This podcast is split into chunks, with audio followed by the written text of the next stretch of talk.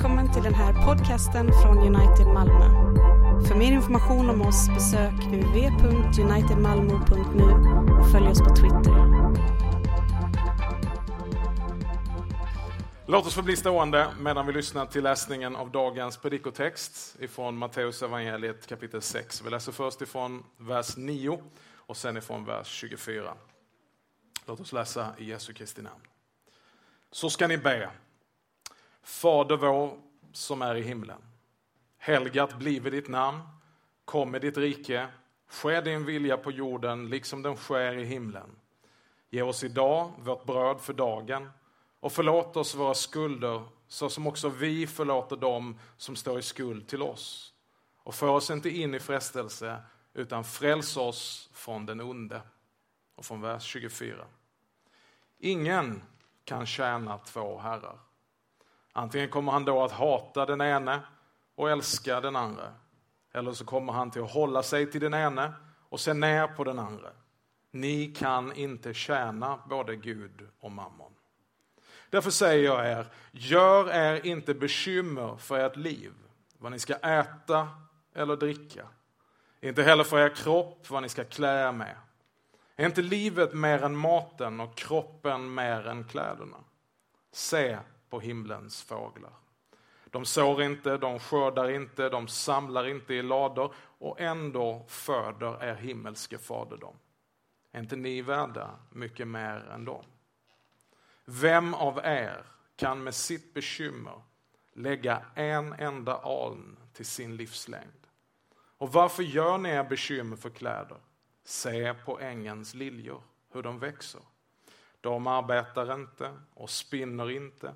Men jag säger att inte ens Salomo i all sin prakt var klädd som en av dem.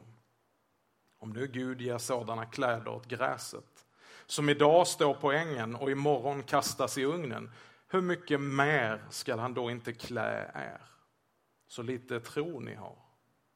Gör er därför inte bekymmer och fråga inte vad ska vi äta? Eller vad ska vi dricka? Eller vad ska vi klä oss med? Efter allt detta söker hedningarna. Men er himmelske fader vet att ni behöver allt detta. Nej, sök först Guds rike och hans rättfärdighet så ska ni få allt det andra också. Gör alltså inte bekymmer för morgondagen. Den ska själv bära sitt bekymmer. Varje dag har nog av sin egen plåga. Detta är Guds ord till oss idag. Amen.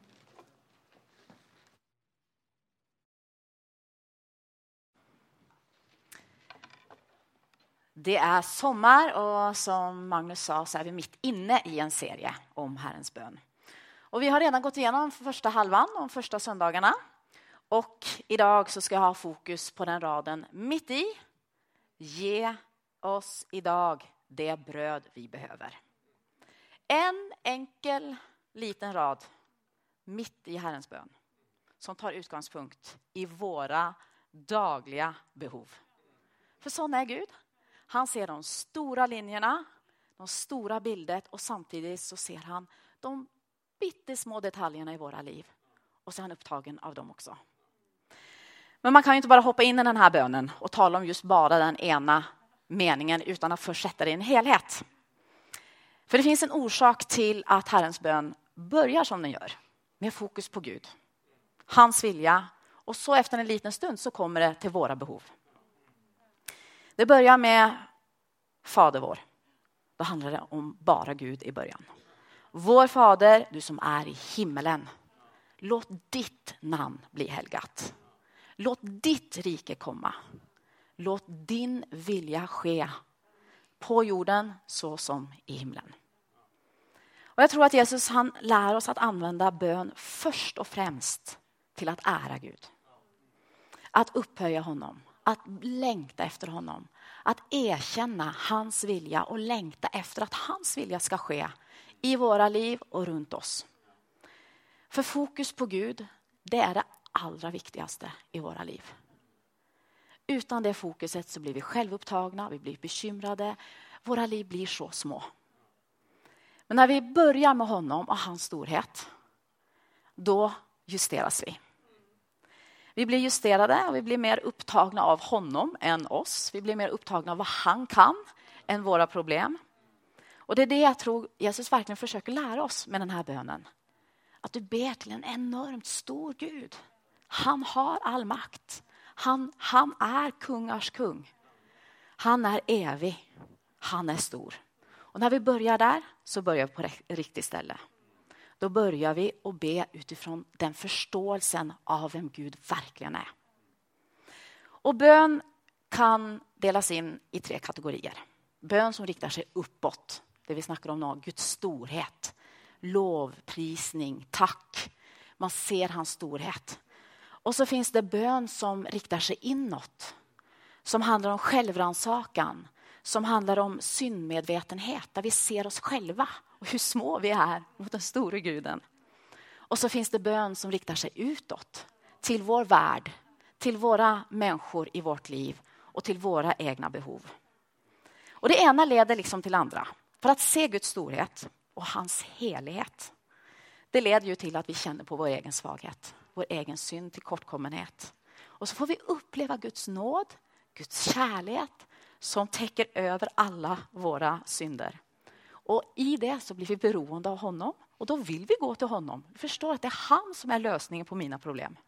Och så möter vi hans kärlek som gör att vi blir drivna till att ge den här kärleken utåt till vår värld i de situationer som vi kommer in i. Och så börjar vi be för andra människor och andras behov. Och idag så ska vi alltså tala om Herrens bön som kanske är den bön och de ord som är de mest uttalade genom alla tider i hela världen. Och här i kyrkan så ber vi också Herrens bön, det har vi gjort idag. Och jag vet att många av er ber Herrens bön varje dag i era böneliv. Och då är ju faran stor för att de här orden bara blir ord. Det blir så familjärt att det blir bara en ramsa som man ber och så har man bett Herrens bön utan egentligen tänka efter vad man bad. Och så är det faktiskt med alla fasta böner eller fast liturgi. Att oavsett hur bra det är så är faran där för att det blir för familjärt och då mister det sin kraft.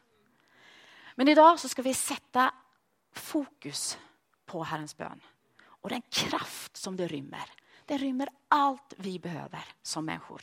Och jag tror att Gud kanske vill i sin godhet visa oss sina sanningar ikväll om denna bönen. Och vi ska börja med min första punkt som heter just det.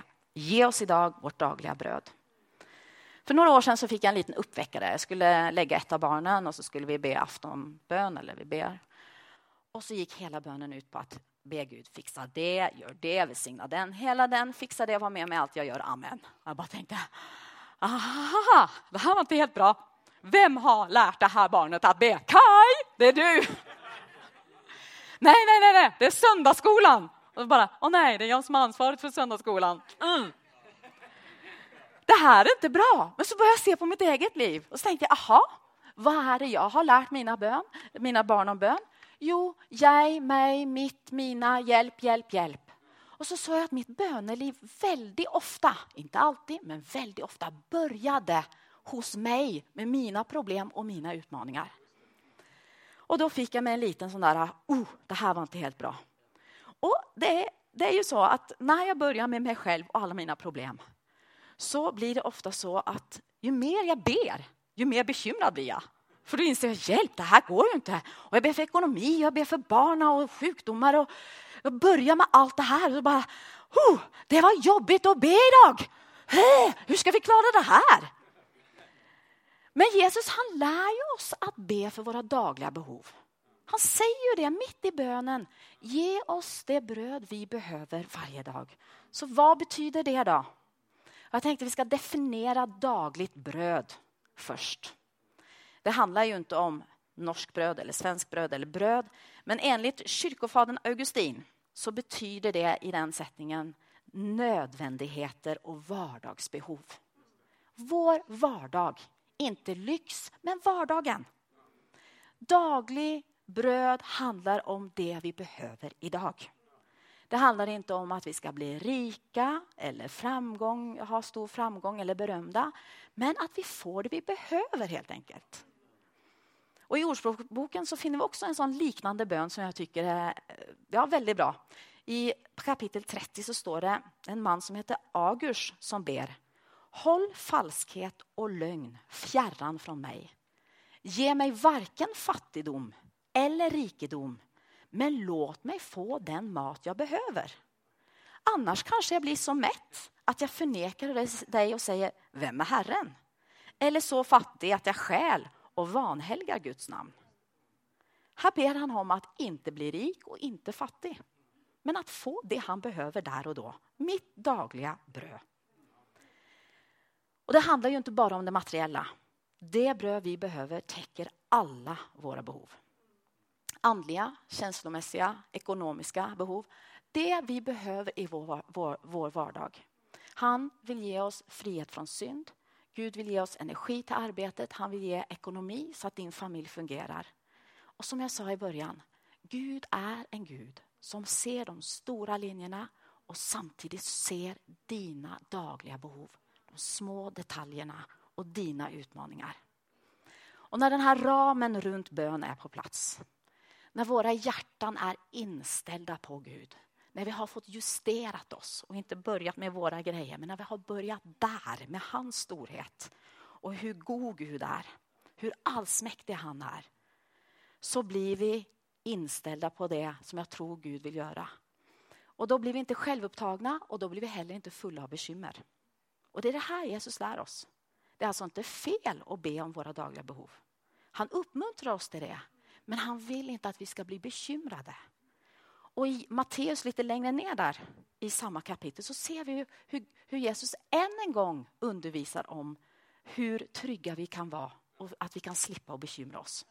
I Matteus 6.25 som vi också läste, där Jesus, ni behöver inte bekymra er. Varför bekymrar ni er för livet? Ni har en himmelsk far som vet precis vad ni behöver. Han klär gräset, han ger mat till fåglarna. Är inte ni mer värd än dem?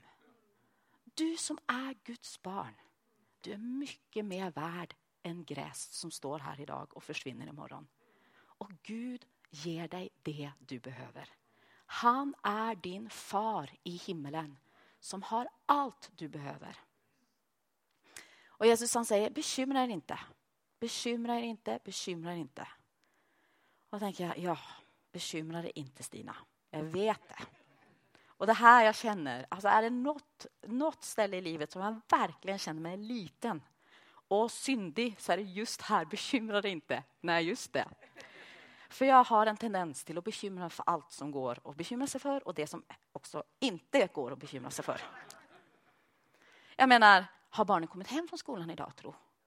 Eh, överlevde Simon den här badningen? Eller drunknade han? Och överlevde Filip och cykla till Mobilia liksom rakt över vägen utan cykelhjälm, tro? Här i Malmö använder ni inte cykelhjälmar. Hur ska man då få barnen till att använda cykelhjälm?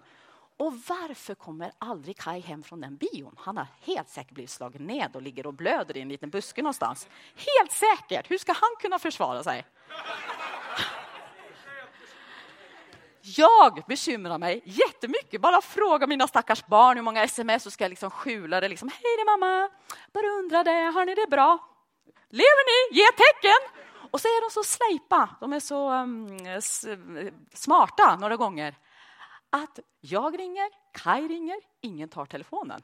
Och de sitter tillsammans och säger ta inte telefonen. Och vi är kanske någon annanstans. Och de vet att de har en mor som blir lite stressad när inte de tar telefonen och har gått så så många timmar. Och så sitter de där och har det jätteroligt. Haha! Och till slut, kan ni vara så snälla och bara skicka ett litet ja om ni lever? Ja då mamma! Okej, okay, grejt. Jag har alltså lite problem. Jag bekymrar mig. Och så vet jag ju, jag vet att Gud har kontroll. Jag vet att han har omsorg. Han har sagt det. Varför bekymrar du dig? Gud som bryr sig om gräset, han bryr sig om fåglarna. Är inte du mer värd än dem? Han är din himmelske far. Åh, oh, Gud är så god alltså, för jag har försökt att skärpa mig så många gånger. Men jag får inte till det. Jag ser hela tiden hur jag faller igång på gång. Jag försöker skärpa mig, jag får inte till det. Men jag ser att det jag kan göra, jag kan erkänna det som min synd. Gud, jag får inte till det här. Jag bekymrar mig. Jag är människa. Jag tänker att jag måste fixa livet. Jag tror att jag måste ha kontroll över mina barn. Jag tror att jag är deras frälsare. Är det några föräldrar som känner så? Och säger, Gud, förlåt mig. Det är du. Det är du som har kontroll. Förlåt mig. Och så kan jag göra, han hjälper mig till att göra det som Peter, aposteln Peter uppmanar sina läsare till. Att kasta alla våra bekymmer på honom. Varför det? Jo, för att han har omsorg för oss. Han har omsorg för dig. Han bryr sig om dig. Han vet vad du tänker på. Han vet precis vad du bekymrar dig för. Vilken utmaning du står för. Och han har omsorg för dig. Därför kan du kasta dig på honom och säga Gud, den här bekymringen, nu kom den igen. Nu vill jag kasta den på dig för jag vet att du har omsorg för mig. Du vet mina dagliga behov. Du vet hur den här situationen ser ut. Den ser hopplös ut. Men jag behöver inte vara bekymrad. Jag kan gå till dig och så kan jag lyfta blicken och så se din storhet. Och så kan jag fokusera på dig istället för det här problemet och den här bekymringen. Så kan jag börja tänka, men Gud du är stor. Du är mäktig. Du har kontroll. Du har ju skapat himlen. Du har gett mig liv. Det är klart att du klarar att lösa den här situationen. Och när jag börjar där så märker jag att den bekymringen den blir så mycket mindre. Och så kan jag kasta den bekymringen på honom. För jag har en far i himlen som ger mig det dagliga brödet som jag behöver. Och det är den vissheten som gör att vi kan sluta bekymra oss. Vissheten om vem han är och att han bryr sig om oss. Tim Keller sa något väldigt bra här en dag. Ja, han säger kanske det varje dag, säger han smart. Men the only person who dares wake up a king at 3 a.m. for a glass of water is a child. We have that kind of access. Det är så bra. Alltså på, på norska, den enda personen som vågar väcka upp en kung klockan tre på natten är, för ett glas vatten är ett barn. Det tillträdet har vi. Tänk, vi kan komma mitt i natten till kungarnas kung bara för att vi är törstiga. Så är frågan då, hur ska vi be?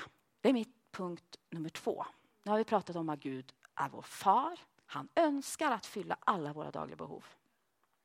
Och nu ska vi se hur vi ska be och sen ska vi se lite grann på varför vi ska be. Finns det något fel sätt att be? Ja, gör faktiskt det. Bibeln tar upp det på flera olika ställen.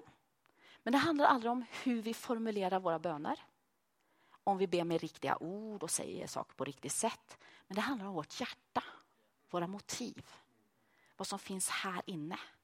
Och jag tycker Lukas 18, där Jesus undervisar om just det, säger så tydligt att Gud han bryr sig inte om våra ord, men han ser till våra hjärtan. I Lukas 18 så läser vi, för några som var säkra på att de själva var rättfärdiga och som föraktade andra berättade Jesus också en liknelse. Två personer gick upp till templet för att be. Den ena var en farisé. Det är en väldigt duktig kristen person. Och den andra var en tullindrivare, bara en vanlig, kanske nästan, nästan kristen, så vitt. Farisén stod för sig själv och han bad. Gud, jag tackar dig för att jag inte är som andra människor. Roffare, brottslingar, äktenskapsbrytare eller som den där tullindrivaren. Jag fastar två gånger i veckan. Jag ger tionde av allt jag tjänar. Men tullindrivaren stod långt borta och vågade inte ens en gång att se upp mot himlen. Han slog sig mot bröstet och sa Gud, förlåt en syndare som mig. Jag säger er, han gick hem rättfärdig, men inte den andra. För var och en som upphöjer sig, han ska bli förödmjukad, men den som ödmjukar sig ska bli upphöjd. Vilken uppmuntran till oss som känner att vi inte får till det här med bön. Och vilken tydlig påminnelse om att jag kommer ingenstans med min självrättfärdighet, med min duktighet, med min präktighet. Det hjälper ingenting att vara en duktig kristen och göra allt rätt. För det var det farisén gjorde. Han gjorde allt rätt och ändå säger Jesus att han gick hem orättfärdig. Men den mannen som slog sig på bröstet och sa Gud förlåt mig, jag är en syndare. Jag kan inte be, jag kan ingenting, men jag ber dig, förlåt mig. Han var rättfärdig. Kanske du inte vet hur du ska be. Du vet inte vilka ord du ska använda, vilka formuleringar. Så bra. För Gud hör inte på dina ord och dina formuleringar. Han ser till ditt hjärta.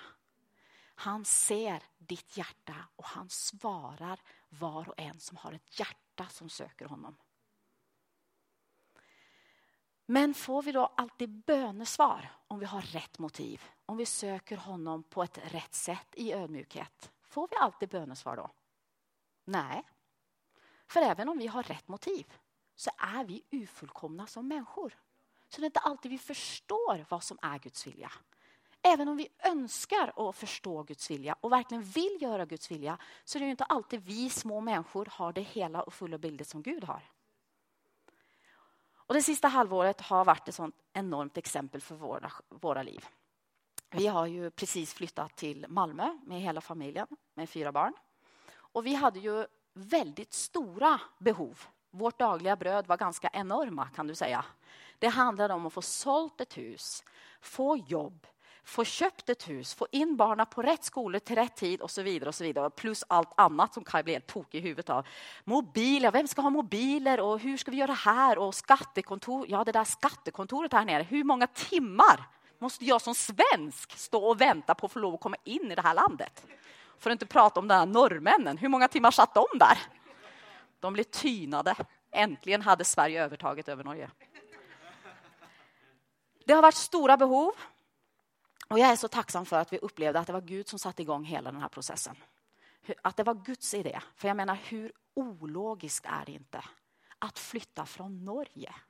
Lilla, trygga, rika Norge till Malmö. Alltså där man läser om explosioner varje dag. Juhu, här kommer vi med fyra ungdomar som är vana till att slänga från sig cykeln var som helst och aldrig låsa dörren och gå runt i Arendals gator när som helst på natten och allt är grejt. Så kommer vi till Malmö. Jag är glad för att Gud var med här. Husköp, och jag som är så bekymrad, du kan tänka dig, är det någon som blir testad så är det mig. Husköp var ju en stor sak. Så vi har ju hållit på, jag har varit på Hemnet i cirka ett och ett halvt år. Jag tycker det är jätteroligt. Men så äntligen hittade vi drömhuset i Hyljeby. Och vi var nere i februari och vi, alla barnen var där och vi såg på det här fina huset, fem sovrum, perfekt och det var en trädgård. Det enda problemet med det huset var att allt måste renoveras. Det var från 70-talet och allt var 70-talsprägel. Men det tänkte jag, ah, det går väl bra, vi har ju renoverat hus för eller jag har väl renoverat ett par hus för. Så vi la in ett bud. Vi kände Guds frid och tänkte, det är bra, nu köper vi hus och så har vi allt i box. Så vi la in ett bud och var säkra på att det huset får vi. Men bara en dag efteråt, för nästan ingen intresserade, så, så ringer mäklaren och säger du, det har kommit en man här och köpt huset. Till ett lägre bud än er. Jag bara, va? Vad är det som händer nu? Gud, har du inte kontroll längre? Vad är det här? Det här var drömhuset, allt är perfekt. Vad är problemet? Hur kunde han köpa det huset för ett lägre bud? Vad är det för slags... Ja, hela det här svenska systemet med budrunda, bara det liksom. Hallå, och jag blev så frustrerad och så irriterad, men det var ingenting vi kunde göra. Så, är det ingenting vi kan göra? Eller kan vi prata med ägaren? Nej, ingenting. Det finns ingenting. Gammal tant, tryggt och gott, man. Ja, då säljer vi det. Färdig med det. Normen? Nej, det var inte så bra. Och jag blev alltså så chockad, för jag, du vet hur det är. Jag hade ju möblerat och renoverat och flyttat in i det huset. Du vet, det går ganska fort i mitt huvud. Så jag bara tänkte, gud, det här är helt fel. Så jag orkade inte vara på Hemnet på flera veckor. Tänkte, ja, fick vi inte det huset kan väl lika bra vara. Färdig med det. Så jag var inte på Hemnet, men jag fortsatte att läsa Bibeln som tur var. Och så kom jag till... Oj, och just där en dag så läste jag om när Jesus skickade iväg sina lärjungar för de skulle ha en påskmåltid. Och så säger Jesus till lärjungarna, Eh, gå in i stan och där ska ni träffa en man och ska ni följa efter den mannen. Och så står det i Markus 14.15 så ska han visa er en stor sal på övervåning som står inredd och färdig. Gör i ordning för oss där. Så läste jag det här. Och så var det precis som den helige ande viskade till mig. Du, jag har ett hus som är inrett och färdigt till er, Stina. Tror jag blev glad då? Nej, jag var jättesur. Jag vill inte ha något inrett och färdigt hus. Jag vill ha det huset där som är sålt redan. Jag tänkte, det här är så barnsligt. Ja, men det är faktiskt sant. Jag vill inte ha något inrett. Vi kan renovera. Uh, hush, hush, hush. Men vad hände? Jo, såklart. Jag var tvungen att flytta till Malmö innan vi hade köpt hus. Så jag flyttade in, eh, jag flyttade i förväg för att jag började jobba. Så jag flyttade in då hos min syster i Landskrona som var så snäll och pendlade till Malmö och fortfarande inget hus. Jag bara liksom, hallå Gud, nu börjar det bli lite dålig tid här. Barnen ska liksom börja på skola och så vidare. Så reser vi iväg. Nej, nej, samma dag som jag flyttar, ja, så är det ju.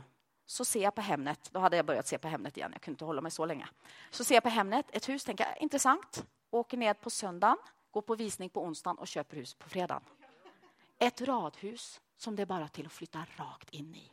Alltså det var så färdigt. Jag har aldrig sett ett så färdigt hus i mitt liv. Inte Kaj heller. Jag bara, okej okay, Gud, I get it. Det är ju inte renovering vi ska hålla på med när vi bor i Malmö. Det har vi gjort tillräckligt i vårt liv. Vi ska ju vara här för att vara här, för att möta människor. För att, liksom, förstår du? Så Gud visste ju det. Gud visste ju att det inte renoverar. Alltså, hur lång tid tar det att renovera ett helt hus? Alltså, jag är så tidsoptimist. Jag tror att det tar två veckor, men det gör det alltså inte. Och jag är så glad. Varje dag så tackar jag Gud för att jag inte står och renoverar. Nu ska jag bara måla en vägg bara för skojs skull. Och det har tagit några veckor bara komma dit att jag har köpt in målarfärgen. Förstår ni? Det hade tagit fem år att renovera. Men Gud är så god. Vi ville ha det huset, vi bad om det huset. Men Gud i sin godhet stoppade oss och skickade en man från klarblå himmel. Det sa mäklaren också. Jag vet inte var den här mannen kommer ifrån. Han bara kom från ingenstans. Han köpte huset idag. Och jag bara tänkte, var kom han ifrån? Men nu tänker jag, tack oh, gode Gud, det var du som skickade dem från klarblå himmel. Ja, såklart! Det var säkert en ängel, vad vet jag? Han räddade oss från, jag ska inte säga det, men från mycket jobb. Han ville att vi skulle flytta in i ett hus som var inrett och färdigt. Och jag tackar Gud att han vet så mycket bättre. Han ser den stora bilden. Att även om vi vill göra hans vilja så det är inte alltid vi ser hans vilja. Men vi kan lita på att han får sin vilja när vi ber till honom, även om vi är lite sura ibland. Så, så säger han, ah, jag har tålamod med dig Stina, det går bra. Jag har ett hus förstår du, bara ta det lugnt. Och det kommer aldrig för tidigt, det ska jag lova dig. Men det kommer precis, nästan precis i alla fall. Gud har kontroll. Han är vår far i himlen. Han ser hela bilden och så ser han dina detaljer och han har kontroll. Och Det leder oss till den sista frågan och den sista punkten. Om Gud har kontroll, varför ska vi då be? Jag menar, om han vet vad som ska ske och han har kontroll. Låt mig börja med att säga att Bibeln uppmanar oss till att be. Faktiskt står det i Bibeln att vi alltid ska be. Och dessutom så är Bibeln full av löften om den kraften som finns i bön. Ett exempel är Jakobs brev 5. Där står det i vers 17, 16 och 17 18. Bekänn därför synderna för varandra och be för varandra så att ni kan bli helade. Den rättfärdigas bön har stor kraft och verkan. Elia var en människa med samma natur som vi. Han bad en bön om att det inte skulle regna och då regnade det inte över landet under tre år och sex månader. Sen bad han igen och då gav himlen regn och jorden bar sin gröda. Elia det var en profet i Gamla testamentet. Och när han bad en bön om att det inte skulle regna så regnade det inte på tre och ett halvt år. Det är ganska speciellt. Körde då hans böner över Guds naturlagar då eller hur funkar det här liksom? Det är väldigt svårt för våra hjärnor att, funka, att förstå. Och det är jag väldigt glad för. Hade vi förstått Gud så hade han varit väldigt liten. Men det är en teolog från 1500-talet som har skrivit en kommentar om just det verset. Han heter John Calvin. Och han skriver att det är ganska speciellt att Gud på ett sätt lägger himlen under Elias böner och låter himlen lyda.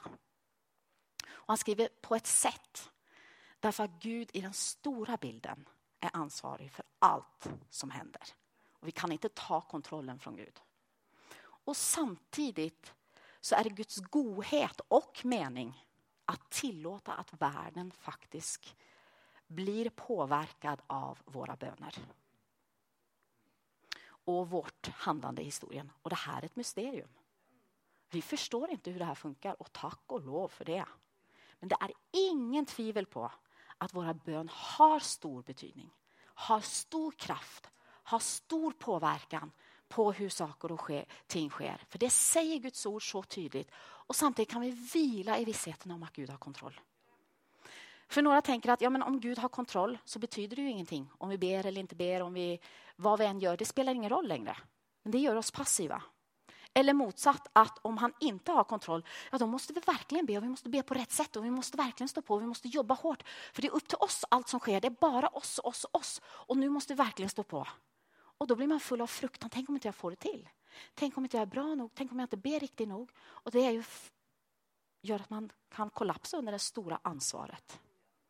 Men om bägge delar är sant, att Gud har full kontroll och samtidigt så kan vi be och vara med och påverka, då är det en enorm motivation.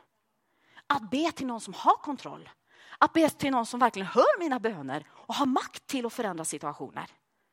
Jag kan vara 100% trygg på att Gud leder oss och har en överordnad plan för mitt liv och för våra liv. Och samtidigt så vill han att vi ska be. Att vi ska ha den relationen där vi kommer till honom med allas ting. Stora ting, små ting, dagliga ting, de stora linjerna. Jag vill bara avsluta med ett bibelvers som verkligen visar att Gud vet vad han tänker för dig. Han ser dig. Det står i Jeremia 29, väldigt, några väldigt kända vers. Där Gud säger, jag vet vilka tankar jag har för dig, säger Herren. Nämligen fridens tankar och inte ofärdens. För att ge dig en framtid och ett hopp. Ni ska kalla på mig och komma och be till mig och jag ska höra er. Ni ska söka mig och ni ska också finna mig om ni söker mig av hela ert hjärta. Ty jag ska låta er finnas av mig, säger Herren. Gud har en plan för ditt liv. Han har framtid och hopp för dig. Det kan du vara trygg på. Och han har full kontroll, också när du har tappat kontrollen och inte ser vägen ut. För han ser de stora linjerna och han ser de dagliga utmaningarna och han vill ge dig det brödet du behöver idag. Amen.